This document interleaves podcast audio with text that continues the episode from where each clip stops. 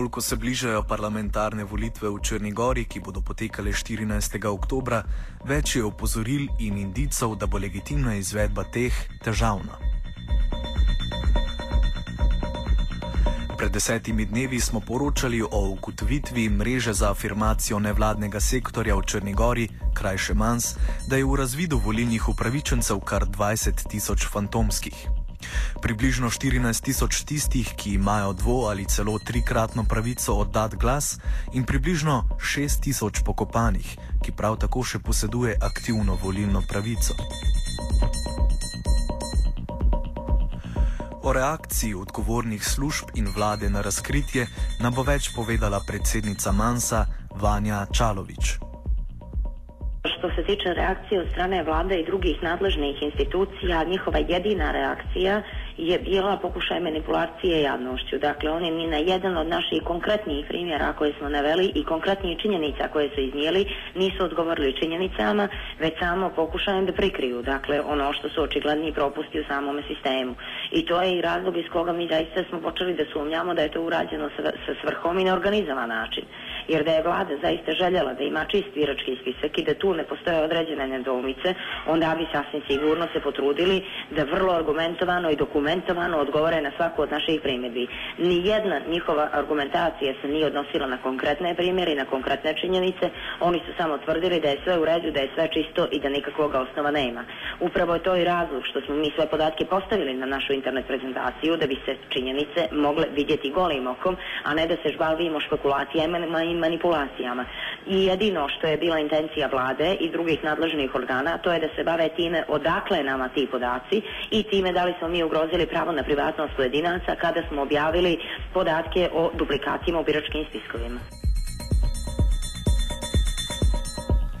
O nepravilnostih je bila obveščena tudi mednarodna skupnost. Mi smo razgovarali sa Odirom i sa predstavnicima drugih međunarodnih organizacija, ukazali im na ove konkretne primjere i ono što smo iz Odira dobili kao obećanje to će da će se oni apsolutno potruditi zajedno sa svojim posmatračima na izbornim mjestima, na dan izbora da vide da li neki od tih pojedinaca glasaju, oni imaju naše spiskove, imaju sve naše podatke i da će zahtijevati od vlade da poštoje zakon o biračkim spiskovima, a taj zakon između ostaloga predviđa da sve političke partije imaju pravo da izvrše uvid u sve registre na osnovu kojih se bavi centra, radi centralni birački spisak, odnosno konkretno uključujući i registre umrli da bismo vidjeli da li se pojedina lica koja, su, koja nisu više među živima nalaze na samom biračkom spisku, odnosno da li umjesto njih neko drugi glasa. Kaj pa, če že ne ustreznega odgovora oblasti, so z razkritjem dosegli na domačih tleh?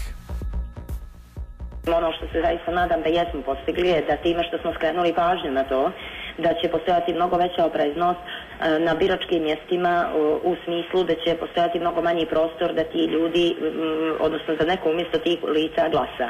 Dakle, sve opozicijne političke partije su već javno saopštile da su naše spiskove dostavile svi svojim aktivistima na terenu, tako da obezbijede da na sam dan glasanja, ne, dakle, oni imaju uvid u naše spiskove, imaju mogućnost kontrole, da li je neko od lica sa toga spiska eventualno sumnjivih slučajeva i da utvrde da li se dešava da po dva lica glasaju, uh, da po jedno lice glasa dva puta ili više.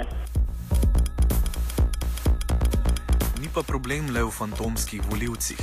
Danes je Mans objavil ugotovitve glede zaposlovanja v državni in občinski administraciji, ki je po zakonu prepovedano od datuma razpisa in do zaključka volitev. Pojasni Čalovičeva. Dakle, e, zakon o finansiranju političkih partija zabranjuje svim državnim institucijama da nakon datuma raspisivanja izbora zapošljavaju dodatne kadrove. Upravo sa ciljem da bi se spriječilo na neka, neka vrsta podmićivanja kroz kratkotrajno ili dugotrajno zapošljavanje pojedinaca kako bi oni glasali na određeni način. U tom smislu mi smo vidjeli da veliki broj državnih organa nastavlja se zapošljavanjem i to posebno u periodu kada se teži smanjivanju državne administracije i kada imamo veliki problem sa budžetom da se iz njega podmira i oni koji su već zaposleni.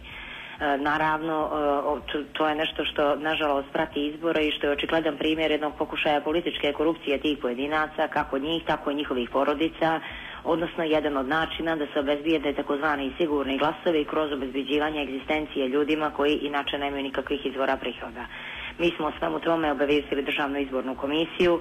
U pojedinim slučajevima sumnjamo da je bilo i krivičnih dijela zloupotrebe službenog položaja, o čemu ćemo također dokumentaciju dostaviti i e, Vrhovnom državnom tužilaštvu. Međutim, svakako ćemo sve podatke dostaviti međunarodnoj zajednici, posebno odiru koji prati izbore, kako bi imali priliku da izvrše uvid u podatke koji ukazuju da se državnim novcem pokušavaju kupovati i uticati na rezultat izbora.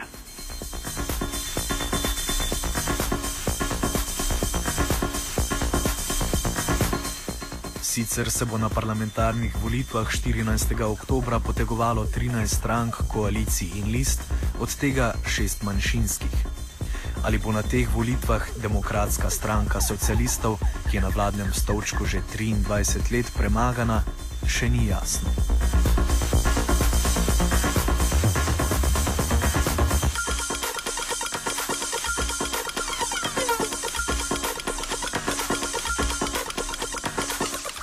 Offside je pripravil Jankovič. Oh. Oh. Oh. Oh. Oh. Oh.